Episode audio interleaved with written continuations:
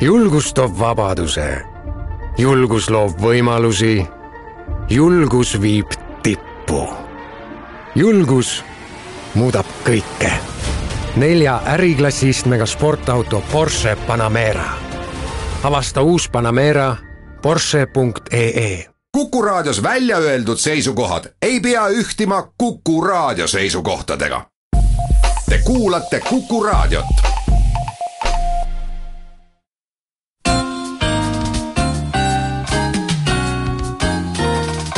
Pressiklubi. kaunist pärastlõunat, head Kuku Raadio kuulajad.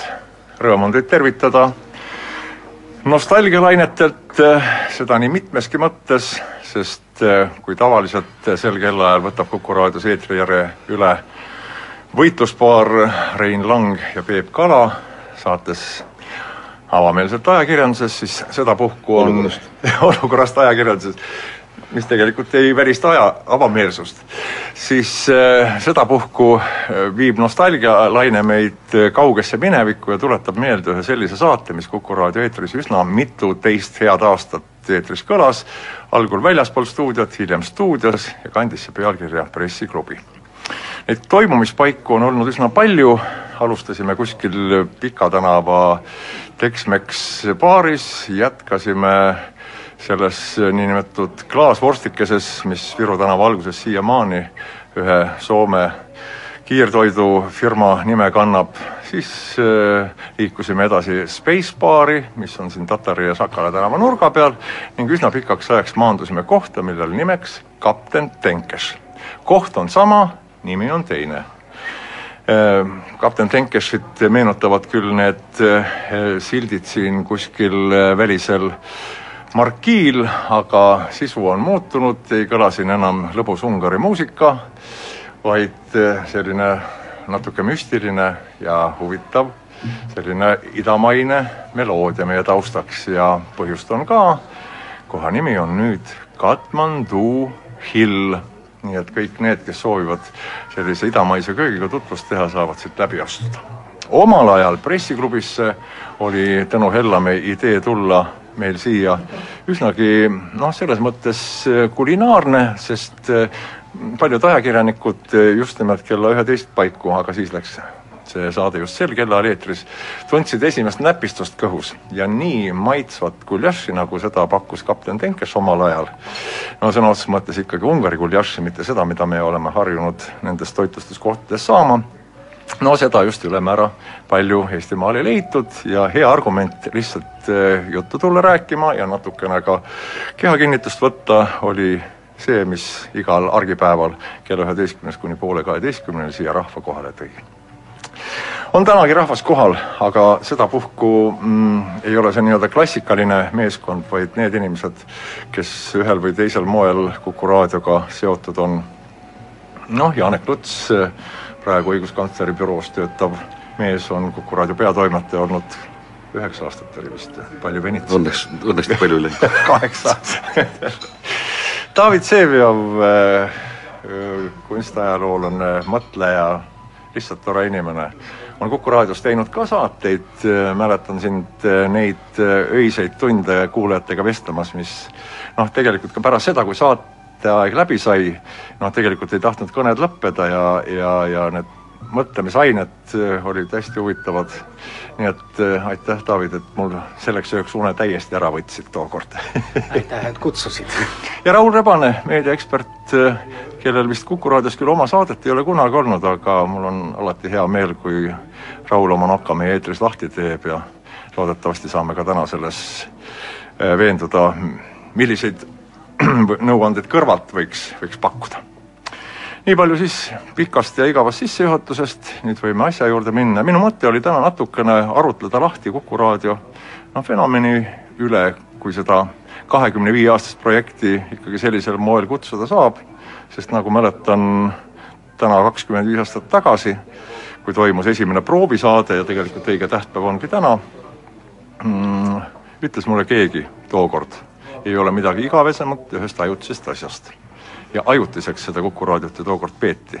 aga nüüd on see ajutine kestnud kakskümmend viis aastat ja noh, kas ta just igavene on, aga ma ei tea. mida, mida teie Kuku raadio käivitamise juures mäletate, mis olid need arvamused või mõtted, mis teid valdasid, kui Eesti Raadio kõrvale ja lisaks Tartus toiminud Tartu raadiole ilmus üks uus, uus üksus eetrisse. ma ei oska öelda, minu kokkupuude raadioga algaski Kuku raadiost ja tänu Peeter Mikkofile, kes tol ajal töötas Kunstiakadeemias.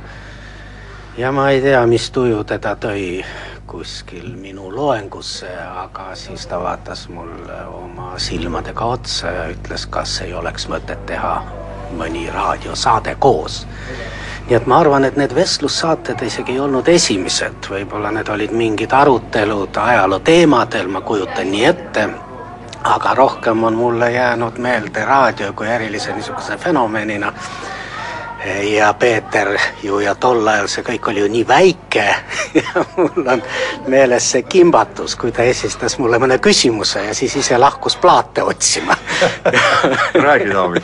ja seda, seda vastust tühjusesse anda oli päris kummaline. tänapäeval ja kui minu põhikokkupuude raadioga on ju Vikerraadio ja siis ja Kuku raadios on täpselt samuti, olen ju vahetevahel ka seal olnud, aga keegi ju istub siis tehnilise töötajana, ma ei tea, kuidas neid inimesi tänuväärselt nimetada, kes neid nuppe vajutavad, ikka sinuga sealsamas ruumis, aga noogutavad ja. ja noogutavad ja vähemalt teevad nägu, et nad ka kuulavad. ja saavad aru. ja saavad aru, aga selles algsünnihetkes ilmselt oli see kõik nii väike, nagu ta oli, et üks inimene tegeles paljude nende asjadega ja see on kuidagi meelde jäänud. no mul on hea, et see pisik sulle sisse läks, sest me oleks muidu Vikerraadios jäänud ilma müstilise Venemaa sarjast või kes teab. ja, ja nii, et sügav kummardus Kukule. nii et me tegime otsa lahti, Vikerraadio lihtsalt kasutas selle võimaluse ära. Raul ähm,. me peame ette kujutama tolleaegset meeleolu tähendab, hinnata mineviku asju praeguse aja seisukohtade järgi ja öelda, et kes oli loll, kes oli tark, on väga ebaõiglane. tol ajal oli meedia veel defitsiit. teda oli veel vähe.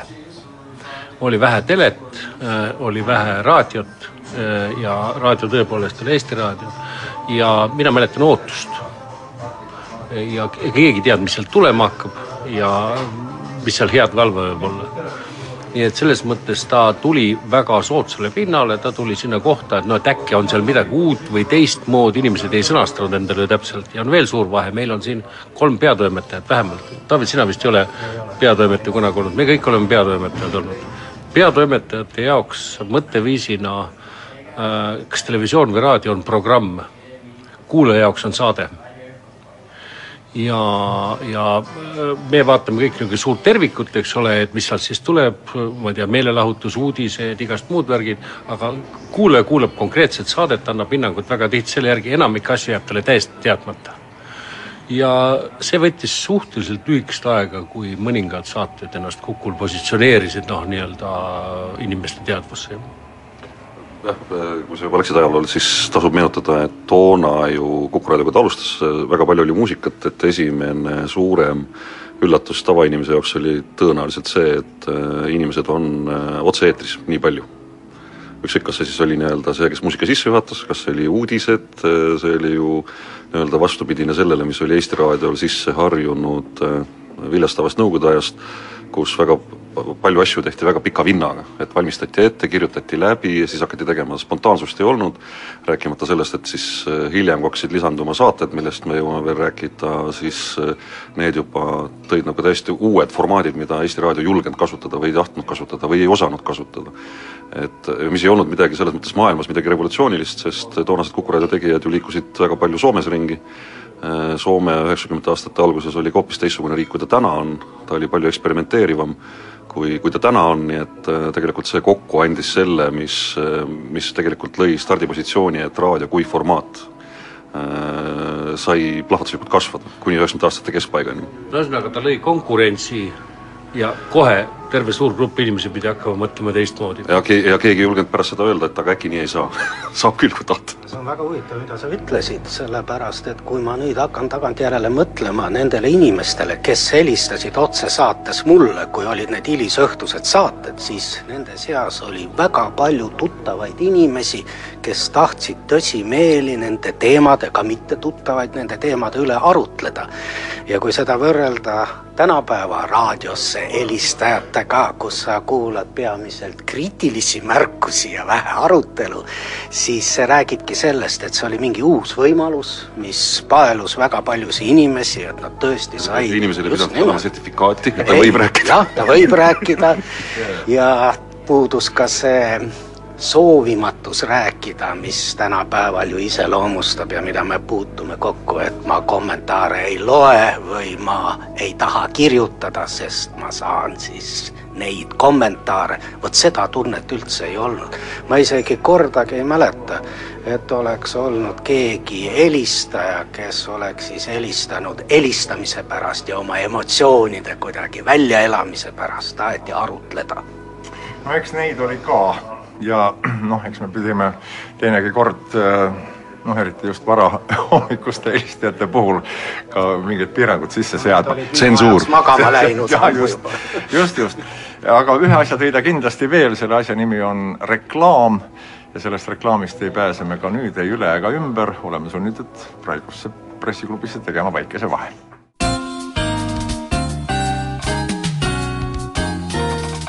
pressiklubi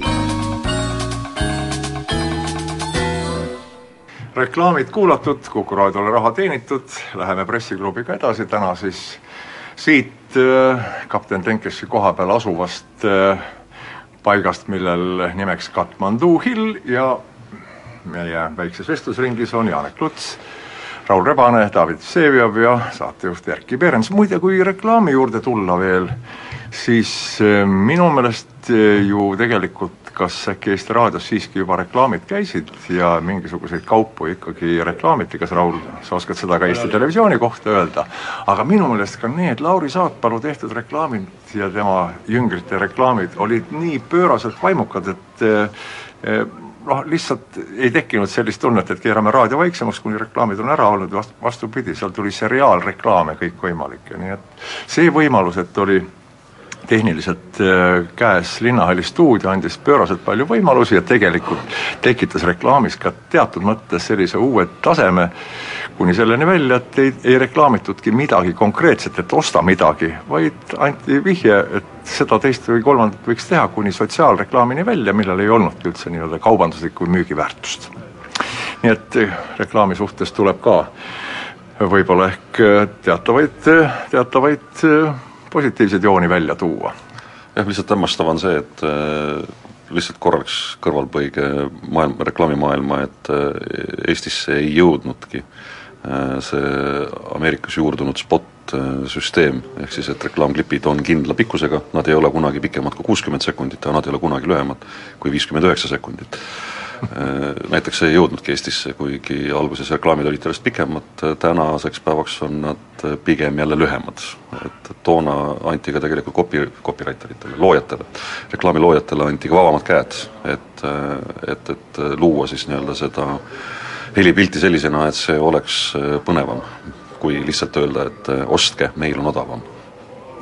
no just, ja seal on lihtsalt tagantjärele, ma loodan, et, et seal kuskil arhiivis on tõesti olemas sellised tõeliselt rariteetsed reklaamid, mida mida lihtsalt viitsiti välja mõelda, noh, oli, oli natukene mis välja mõelda, neid helipilti võib kuulata ka selle järgi, et täna hommikulgi Kukut kuulates minu arvates on veel tänagi paljud signatuurid on kahekümne viie aastased, mis on eetris, Kuku tun-, tunnussignatuurid.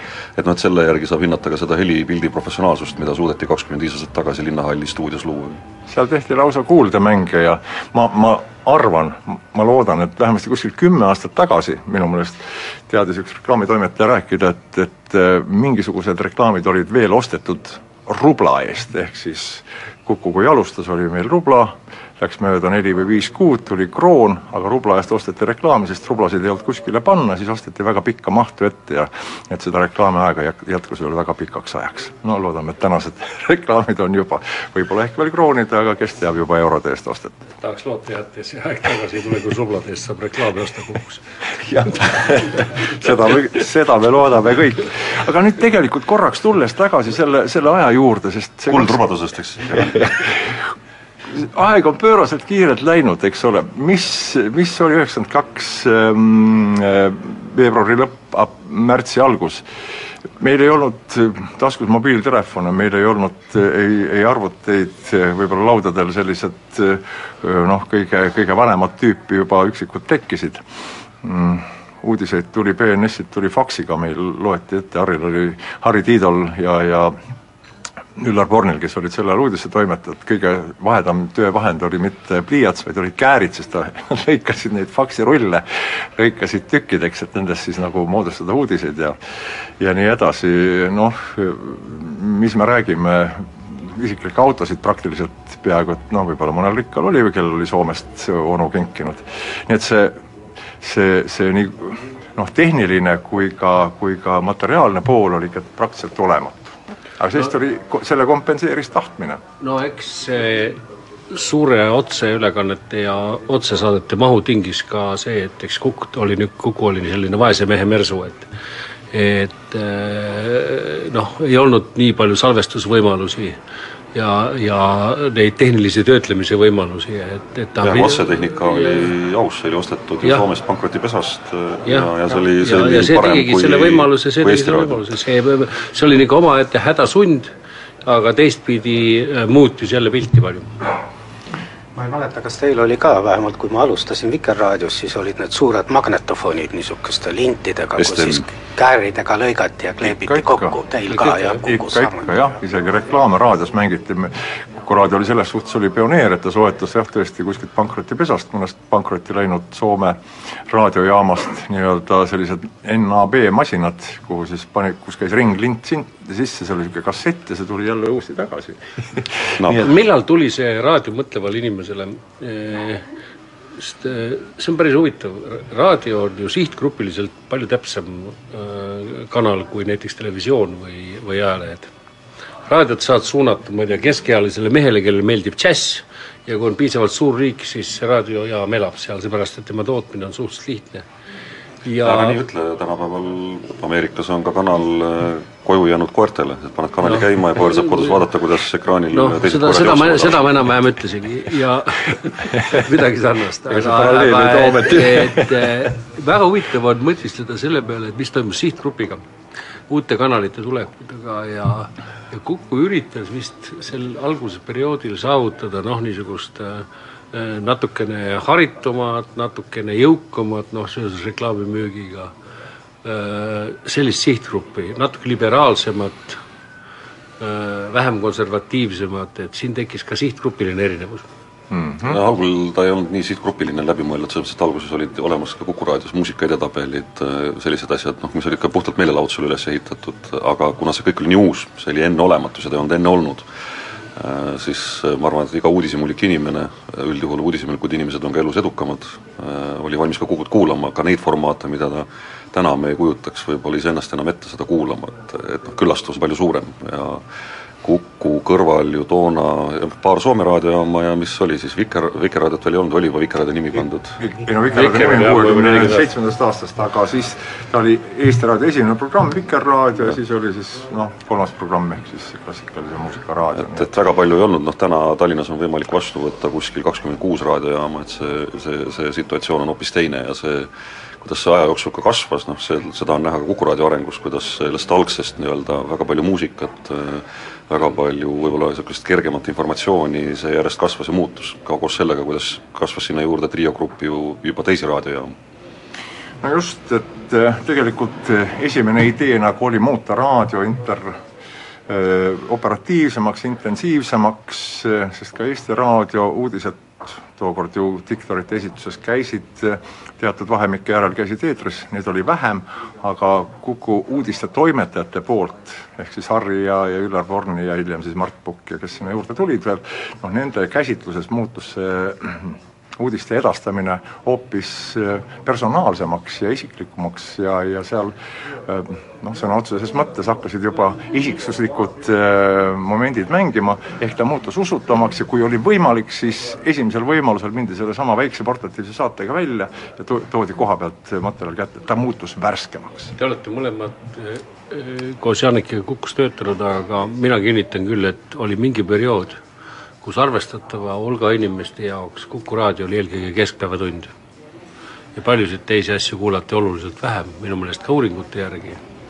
seepärast, et see oli mingisugune teistsugune saade tol ajal, ta võis meeldida, võis mitte meeldida, ta oli kohati no, aga tema mittekuulamine ohtlik? Äh, ei noh, selles mõttes, et see oli tol ajal selline üks väheseid esimesi arvamise formaate, kus inimesed loevad nädal aega ajalehte ja siis tulevad laupäeval sellest rääkima, praegu neid on vähemalt seitse noh, kuna see formaat oli edukas. jaa ja, ja no Harril endal oli ju kolm saadet tegelikult, nad eristusid ka, ehk Välismäära täpselt samal ajal käivitus, ehk siis välispoliitiline saade ja, ja. sisepoliitiline saade elu võimalikkusest Eesti Vabariigis. et see oli küllalt, äh, küllalt uus, küsis, püsis väga pikka aega sellisena äh, noh, võib-olla hiljem hakkasid alles mingid muutused toimuma, mis praegu ma arvan, et ei olegi väga positiivsed, aga, aga sel perioodil oli ta nähtus. no muutused toimusid lihtsalt sellega, et see sai rohkem kuuldavaks, ehk ta jõudis laiemale auditooriumile, meie saatja ju võimsus ulatus ainult Tallinnasse lähiümbrusesse, kõige kaugem punkt oli Märjamaa, suvel sõitsid inimesed Pärnust rannast, sõitsid Märjamaale, kuulasid saate ära, läksid Pärnu randa tagasi. nii et see ikka näitab, et inimestel oli huvi selle saate vastu. meil on nüüd paraku jälle see hetk kätte jõudnud, kus tuleb äh, ruumi teha lühiuudistele ja reklaamile ning pärast seda tuleme siia pressiklubisse Raul Rebase, David Vseviovi, Janek Lutsu, Erkki Perentsi juurde tagasi.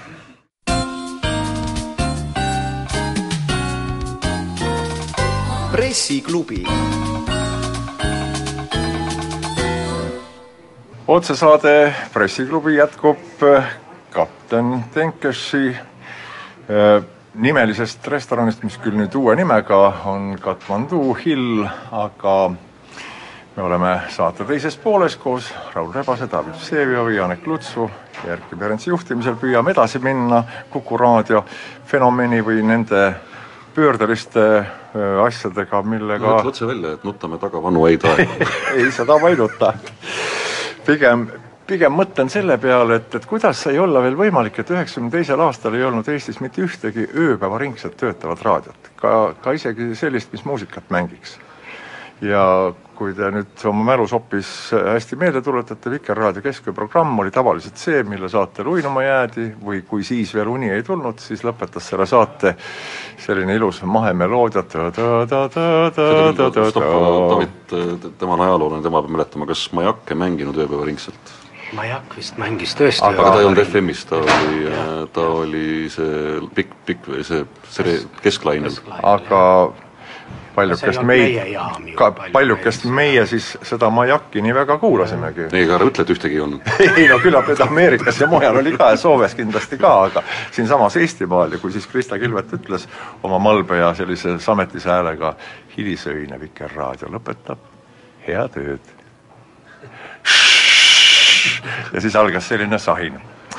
et äh, Kuku oli siis see, kes äh, vähemasti esimest korda tuli sellise, sellise võimalusega välja, võib-olla ehk me isegi natuke doseerisime üle, sest Rein arvas, Rein Lang siis, et, et võiks ju tegelikult ööpäevaringse raadio ka teha ja jättis sinna diskori tööseks muusikat mängima ja juttu rääkima ja mingil ajal tuli see viie plaadiga vahetajaga no, mängija, see... mida siis tehnikud käisid öösel restartimas.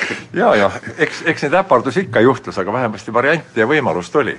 aga, aga tõepoolest, ainult kakskümmend viis aastat tagasi oli see. see kirjeldab ainult minu meelest seda, et missuguse grandioosse protsessi ja progressi on kogu see meediamaailm läbi elanud ja meie oleme siin ju enamik neist, kes ka mäletavad ma ei tea, teleka tulekut, värviteleka tulekut ja kõiki selliseid asju, tähendab, et ja see, mis on praegu, et lühikese elu jooksul läbi elatud selline muudatus, et jah, kõik on, kõik on hallid, välja arvatud David, Davidil pole enam juukseid. jah, ei ole halli. asi seegi, aga see ei needsamad ole raadioteema, aga mul on nii hästi meeles, kuidas ma Aga- nägin ühte seltskonda, kes oli saanud Moskvas osta endale ühe esimese värvi televiisori ja siis selgus, et see ei mahu Moskva-Tallinn rongi uksest sisse, see oli nii suur ja seda üritati siis kuidagi aknast sisse suruda ja lõppes see nii, et hakati paneele küljest ära vähemalt saaks selle sisu sisse. jah, nii et Aga progress on tõesti aset leidnud. David, kui mõelda niimoodi, inimestel on ju tegelikult tarve kellegi järele ja kui tal ei ole ei sõpra, elukaaslast ega ka noh, võib-olla kellegagi, kellega öösel suhelda ja und ei tule, et siis on ju raadio selleks väga hea võimalus. no raadio on väga oluline ja ma tean seda kas või oma nüüd kadunud ema näitel, kelle tervis ja silmad ei lubanud tõesti televiisorit enam vaadata ja ei pääsenud ta eriti välja ja ajalehti lugeda. ja me tegelikult ei kujuta ette, kui suur on see osa elanikkonnast, kelle jaoks võib-olla raadio ongi selleks ainsaks kanaliks, mis võimaldab neil olla asjadega kursis, nii et raadio roll on erakordselt oluline. Kuigi muide- vahepeal paistis, et tühja sellest raadiost, et on nii palju uusi võimalusi, aga see ma, on väga ei, ma, oluline. ma segan vahele, et ma lihtsalt ütlen ära, mis ei puuduta otseselt ei raadiot ega Kukut, aga üldse noh, kõnekunsti kui sellist, et et ajalehtede võid sa osta kellelgi, et keegi kirjutab sinu eest sinna näiteks arvamusloo kolumni, aga, aga kui on tegemist otse-eetriga, kui on tegemist raadiosaatega, siis ega sa ikka väga naljalt, väga pikalt võõri mõtteid ei suuda ette lugeda, nii et sa pead need ka siis olema läbi mõelnud, nii et on väga siiras, väga siiras kommunikatsioon, nii et aga kuulajaid peab muidugi ooda- või hoiatama, et kui ei ole tegemist otse-eetriga, siis tänapäeva tehnilised võimalused kõik nohid välja, välja jätta, mis vanasti oli kääride ja liimitöö ja seda ei saanud lõputult teha. Lint pudenes käest ära. tahtsin lihtsalt ühe väikese nüansi siia juurde lisada, noh tõepoolest inimesed on üksikud, aga kui meil toimus Kuku raadio esimene avatud ustepäev, see oli kuskil juunikuus, kui me kolisime nii-öelda sellest Karl Vaino nimelisest ümmargusest toast, kolisime ikka oma ruumidesse ja tahtsime seda siis ka teistele näidata, siis oli meie kõige suurem šokk ja ehmatus oli need külalised, kes meile tulid, kes olid juba selle kolme-nelja kuu jooksul muutunud Kuku raadio andunud kuulajateks, neid oli umbes pooled olid puuetega inimesed. Keda lükati ratastoolil, kes ei näinud, kes oli kepiga ja, ja kelle jaoks tõepoolest oli raadio mitte lihtsalt ainult üks meelelahutus ja, ja, ja muusika kuulamise koht, aga sõna otseses mõttes sõber ja elukaaslane. ja selle peale vot tuled sa alles siis, kui sa midagi sellist näed. muidu sa oma kuulajaid ju ei näe. üldiselt kui tuleb mingi uus tehniline vahend, siis reeglina peetakse teda revolutsiooniliseks ja arvatakse, et noh, ta nüüd likvideerib eelmist ära, et äh, midagi sellist ei ole kunagi juhtunud äh, ei ole kadunud kuskile raadio, ei ole kadunud kuskile televisioon ja ei ole kuskile kadunud kino ja ka internet muide on lihtsalt üks uus tehniline vahend. sest inimeste aeg, vastuvõtuvõime ja kõik need täpselt samad, on samad nagu ma ei tea, kaks tuhat aastat tagasi. lihtsalt mingid harjumused on muutunud. küll on aga raadio osakaal ja kaal mingil määral muutunud äh, sotsiaalse regulaatorina äh, ehk tähtsamaks, kuna televisioon vältimatult peab minema meelelahutuslikumat suunda siis sotsiaalne, sotsiaalse regulatsiooni roll raadios on, on öö, jäänud ja ma pigem tahaks öelda, et kasvanud. Kuku raadio selle pealt paljuski ju pärast esimest paari aastat ju startiski, et siis, kui hakkasid, hakati juurde laduma järjest pikki jutusaateid, mis olid tegelikult oma käsitlustega tihti väga rasked, et ega ju siis, kui Harri Tiido läks, ma praegu vahendan tema mälestusi, mitte et ma ise mäletaksin, ei olnud juures, et ega keegi ei uskunud ja ei tahtnud väga lubada talle, et noh, et mis hakkad pühapäeval kell üksteist rääkima välispoliitikast või keda see huvitab. Et lihtsalt tema jäärapäisus ja, ja selle saate sisukus on tekitanud olukorra, kus pigem on nende inimeste hulk, kes, kes, kes välispoliitika saadet kuulavad, on pisut tasa kasvanud, mitte ainult kahanenud. et kuidas veel teistmoodi kutsutakse usaldusväärsed inimesed stuudiosse ja nad püüavad lahti mõtestada välispoliitilisi küsimusi, kus sa muidu, muidu sellist infot saad. nii lihtsalt, nii mugavalt nii laisalt? no üldiselt head saated teevad ka uusi prime time, televisioonis me teame näiteks hommikutelevisioon, televisioonis tegi kunagi kolmkümmend viis protsenti. raadios muide tänaseni on, Vikerraadios on see kella kolmene soovikontsert, seal on oma andunud grupp, siis on ja laupäeval, pühapäeval, see, ma arvan, on Eesti fenomen. keskpäevatunnid, vabariigi valvurid või treenerid, mis nad on, ja kõik selli-, see grupp on väga huvitav tsoon, see üheteistkümne ja kella ühe vahel, nii nädalavahetusel, kus on sajad tuhanded inimesed õpetatud käituma teistmoodi no ilmselt suutis Kuku natukene ka avardada seda maailma meie jaoks, sest äh, telefoniühendused aiva paranevad, satelliidid ja nii edasi, et et, et sa teed otseülekande äh, koos Jaan Künnapiga kuskilt äh, Aconcagua mäetippu vallutamiselt, ehk sa sisuliselt oled sealsamas kõrval, kus äh, on seitse tuhat meetrit mereni ja, ja Eesti lipp lehvib, vaat sellised, sellised võimsad asjad kuidagi toovad need maailma asjad lähemale.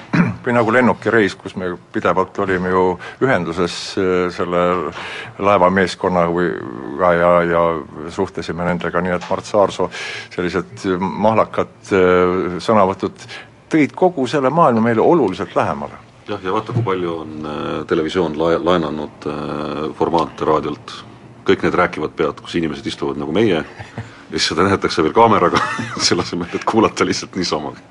Jah, see on äh, osades riikides nagu näiteks Kreeka, mis on väga huvitav, kuna seal on inimesed väga temperamentsed, siis tehakse ju, kõik inimesed pannakse kastikeste sisse jutusaadetele, siis toimub seal noh, niisugust draamat edasi on. loogiline, jah jah, alused kahju, et täna ei teki siin sellist raamatut. jah. eakamad inimesed, rahulikud, meenutavad Väga. olnud aegu. aga üks number mind muidugi ehmatab, see, see on vist, ma ei tea, David, kes teist eespool on, sina oma müstilise Venemaaga tuhat millegagi või siis ligi tuhat kakssada saadet neid külalisi Kuku külas ja see ei, ei, see ei ole ikka surnud veel ja see käib ja käib ja käib. Kukul külas tuhat ükssada kaheksakümmend kolm, sa tahtsid siia juurde liita? siia tuleb üks, üks kolm-neli inimest veel juurde, nii et jah, hakkab vaikselt tuhande kahesajale lähenema küll, jah. kuule, aga siin on nüüd mõnus koht selle Rosamanna sisse natukene ka kriitikat teha. Et äh, ükskord mulle helistatakse ja öeldakse, kuule Raul, sa oled äh, Kuku raadios ja räägid mingit tarka juttu mis ma pole rääkinud midagi. tarka. siis, siis selgub, siis selgub tõsiasi, et Kukul külas on korduses. ja, ja minu saade oli salvestatud üheksakümne kolmandal aastal ja ma mõtlesin õudusega, et mida ma seal võisin rääkida, ma oleks võinud ju vahepeal vahetada kolm parteid ja neli abikaasat, eks ole, mida küll õnneks ei ole juhtunud. ja seal oleks võinud olla minevikulisi, et ma ei tea, mingisugused seisukohad, kõik nii edasi, et ma nagu, siis ma ehmatasin ära, mõtlesin, et tegelikult mõnedel võis see päris keeruline olla, et õnneks ma olin nagu rahulik, aga et äh, selgub, et et just paari-kolmekümne aasta vanuseid isikulisi asju ikka korrata vist äkki hästi ei saa või saab? noh, selles mõttes, et seal, seal on põhimõtteliselt kaks varianti, et äh, põhjust kordamiseks, et noh, kui tark inimene räägib huvitavat juttu, miks mitte seda uuesti kuulata, punkt kaks, kui inimene on meie seast lahkunud, siis võiks seda uuesti kuulata, nii et sul vedas. ja, ja no, võib-olla mingi analoogia on hiljuti ilmunud Jaak Alliku raamat, mis toob ära tema poolt kirjutatud retsensioonid kümnete aastate tagusest ajast koos kommentaaridega. Ja neid kommentaare on erakordselt põnev kuulata. ma oleks isegi selle saate teinud koos sinu kommentaaridega sinna juurde, mida sa siis tänasel päeval arvad, see oleks päris põnev kuulata. ja, ja aga Raul, sa võid kindel olla, et, et nad ei ole kunagi sel ajal eetris olnud, kui nad on otse-eetris, et see on selline kindel aeg ja kindel koht. See võis olla siis kuskil mingi õhtune aeg või sa võid podcast'ist võtta ja, ja kuulata neid arhiivilinte ju nii palju, kui tahad kuigi see, ütlen kohe vahele, et hoolimata sellest, et niisugune asi juhtus, siis see tuhat kakssada inimest, see on kultuurivaramu. see on, see on tõsine lugu selles mõttes, et, et sa kunagi ei tea, missuguse ajalise tsükli tagant sellel asjal võib tulla juurde noh, äärmiselt oluline hind, nii et see on, see on kultuurivaramu. no mõtlengi, et noh, et üks kurb väärtus on sellel, et, et Kuku raadio on praegu siis kasutanud ju ka seda, et kui oluline inimene on ühiskonnast äh, ja maailmast lahkunud, siis äh, ja, ja eeldame, et temaga on Kukul külas saade, siis seda reede õhtul äh, ka siis korratakse, et, et meenutada seda inimest, tema mõtteid, nii et et selline, selline väärtus on tal ka. Mis ajast on need saated olemas, mida saaks tänapäeval järele kuulata? Neid on aastast tuhat üheksasada üheksakümmend kolm esimene jaanuar meie hulgast lahkunud Hardo Aasmäest alates kuni tänaseni kõik välja. vist ei ole kõik vist ei ole päris kvaliteetselt äh, salvestunud, sest tasub ikkagi meelde tuletada, need salvestati kassettide peale, mille väärtus noh, ütleme ka, ka toonaste materjalide puhul võib-olla ehk ei ole igavene, aga, aga siiski valdav osa nendest on olemas alles ja, ja järelkuulatav. enamus on ka juba digiteeritud. just, just nii edasi. paraku me peame nüüd ühe väikese reklaamipausi veel tegema, et siis äh, koos Vastla kuklitega võtta meie saate viimane veerand ette.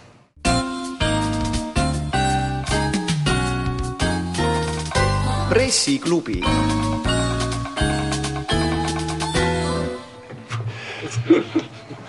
pressiklubi jätkub, Janek Luts võtab juba laulujoru üles, kuigi meie laua peal on ainult veekannud ja klaasid, ma ei tea, kas sul on lapik kuskil siin laua juures. Raul Rebane, David Vseviov, Erkki Perens täna siin Katmandu Hilli nimelises äh, kohas. Sellist äh, ainukordset ja Kuku sünnipäeva nostalgilist äh, pressiklubi tegemas. aga kuidas siis võtta seda mm, Kuku raadio rolli ka olla pisut meelelahutaja, kui me võtame, et Kukust on lähtunud Kreisi raadio, kust on lähtunud selge grupijuht Nipernaadi, paljud sellised sotsiaalsed projektid, et siis ta nagu selline väga, väga kommerts ju ei ole. äkki selles ongi viga, et me oleme liiga, liiga kuidagi avalik-õiguslikud olnud? Et see küsimus on pigem selles, et, et, et kas meelelahutus on, äh, on siis halb või on ta siis saatanast, et äh, kuulates näiteks Davidi loenguid, noh see on ka ju tegelikult meelelahutus. loomulikult Äh, vaadates mõnda head Fellini filmi, siis see on meelelahutus, et, et küsimust ei saa nii püstitada, kas palju või vähe, pigem on vähe. sest hea, hea meelelahutus maksab pagana palju ja üldjuhul on teda väga kallis valmistada ja see teebki selle pigem probleemiks. Odavat meelelahutust jah, on, äh, on palju, aga selles vist kahekümne viie aasta jooksul väga palju Kuku raadiot küll süüdistada ei saa.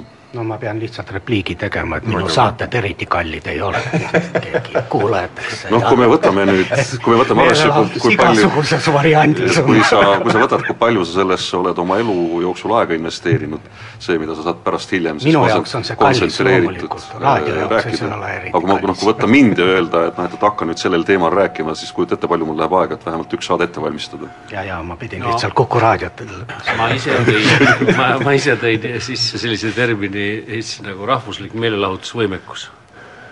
ja, ja see, et oi, on paha, paha, paha ja ma olen tihti kuulnud mingit poliitikut sellest rääkimata, noh, nende kommunikatiivne harimatus torkab ka väga tihti silma Äh, siis, äh, siis on selge see, et täisprogrammiga raadiokanal peab tegema meelelahutust, mida paremat, seda uhkemat, sest see rekt-, restruktureerib tegelikult maailmapilti hästi palju. Äh, seesama Kreisi raadio, need impulsid, libauudised, kus on need, kuule täiesti, täiesti, see on, see on täiesti teine asi, see on hädavajalik asi. iga inimene peab põgenema päevas paariks-kolmeks tunniks kuskile teise kohta reaalsuse eest ära nii et selles mõttes on selge, aga ma tahaks just öelda, et võib-olla seda, et, et Kuku raadio pluss ei ole kunagi olnud meelelahutus. Äh, nii suurel määral ta on siiski olnud äh, tänaseni konkurent äh, sotsiaalseid probleeme kajastavatele raadiojaamadele. mille nimesid me ei nimeta. jah. ja, ja nojah, aga näed, elu, elu äh, lükkab nii-öelda vaod sisse, see, mis Debelak äh, vist üheksakümne kuuendal alustas, sellest on kakskümmend üks aastat juba, kui ta käivitas oma libauudist. ja nüüd alles on rahvusvaheline tunnustus. ja ei, ja nüüd alles said aru, äh, kallid kõikvõimalikud trollid ja kes nad iganes on, et see on ju päris hea mõte, kakskümmend aastat hiljem Debelaki käest võtta üle, tuleb hakata lihtsalt rahvale viskama nalju ja, ja asju, mis, mis võib täiesti tõe pähe võtta, ainult selle vahega, et Debelak ütleb kohe ette ära, et see on nali. Nemad seda ei tee. vaatamata sellele võtavad paljud seda. just nimelt, et ega, ega toimetusse, ma ei tea, kas enam täna tuleb, aga omal ajal ikka mõnikord tuli mõni telefonikõne, kus pahandati, et et noh, et miks te, miks te selliseid uudiseid edastate või et noh, et, et inimene ei saanud kohe aru, et tegemist on libauudistega, et tema jaoks ei olnud piisavalt rõhutatud, et tegemist ei ole päris uudistega. mees seisis bussipeatuses ja meenutas Osama bin Ladenit siiamaani on meeles no vot temaga igav ei hakka, see on tõsi. politsei sõitis sündmuskohale, olles kaks, kaks tundi kohapeal olnud sündmust aset ei leidnud, lahkus no vot, nii sünnivad järelikult on jäljed jäänud. on klassika. ja Krisi raadio läks samamoodi klassikaks, et aga ega ta alguses oli ju väga noh, kuna toonane peatoimetaja oli väga kitsi sellistele saadetele eetriaja andmisega, sest ta oli peaaegu poolöösel. ja, ja ega tal alguses väga palju kuulajaid ei olnud, aga teisest küljest muidugi, et ega seda teistsugusel ajal ei oleks saanudki panna, siis oleks kammitsenud tõenäoliselt selle Kreisi raadio formaati, et noh, et, et see absurd, mida nad ikkagi teinekord seal improviseerisid, läks ma, ma arvan, et mõne inimese jaoks üle hea maitse piiri, aga kuna ta oli sellises ohutusvööndis, siis need inimesed väga pihta ei saanud, kellel see hea maitse kuskil väga lappama oli läinud, aga see oli ka hiljem juba siis nii-öelda kontsentraadina on lihtsalt muutunud legendiks, et aga see vist ongi niimoodi, et mingi aeg, piisavalt läheb aega mööda, siis nagu alles tekib see väärtus sellele asjale. alguses ületad hea maitse piiri, pärast saad Eurovisioonile nii käib. meil on sõbrad veel jäänud umbes Eurovisioon pole hea maitseni jõudnudki kolm ja pool minutit saate lõpuni. et kasutame selle võib-olla selleks, et nüüd minevikust heita pilk tulevikku, et mis sõidavad mööda mitte enam vanad kolisevad tatrad ja Škodad, vaid uhked kahvtrammid ja ka selles suhtes on aeg oma töö teinud, see väljavaade siit ilmselt muutub ka õige pea, kui sinna Hõlmikpuu kanti ilmub üks uus maja, uhke maja, kuhu küll Estonia millegipärast ei sobinud, aga noh, see selleks. ikkagi, milline võiks olla tulevikuvisioon Kuku raadio jaoks? noh, selles mõttes, et Kuku kohta ei julge ju vastutada, seda, selle eest vastutavad ju omanikud. Aga, aga raadioga kuhugi ja tõenäoliselt võidavad lähitulevikus nii-öelda kaubamärgina või tuntusena ainult need raadiod, kes pakuvad midagi originaalset, ehk siis nad loovad midagi.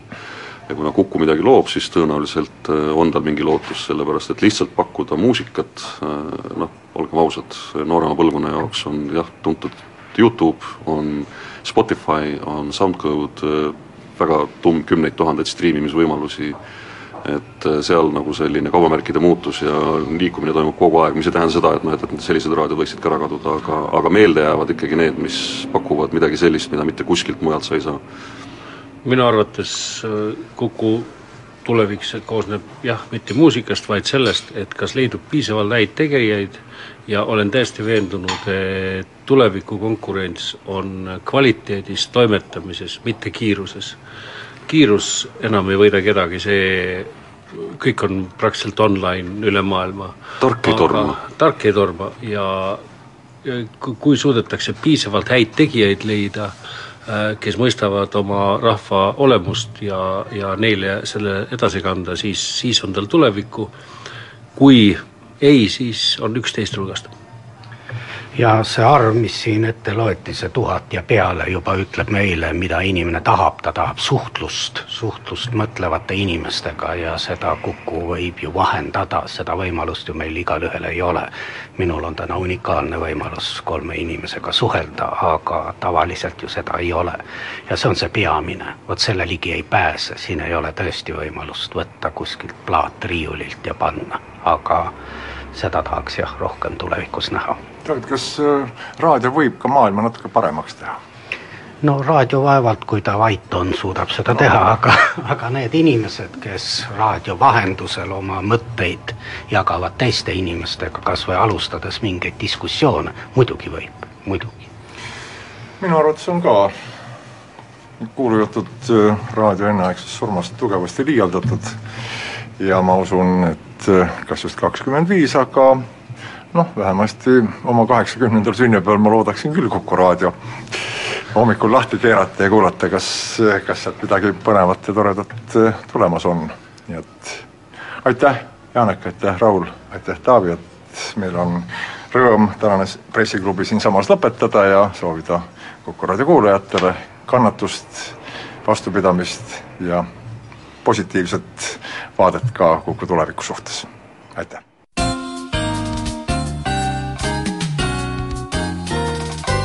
Pressiklubi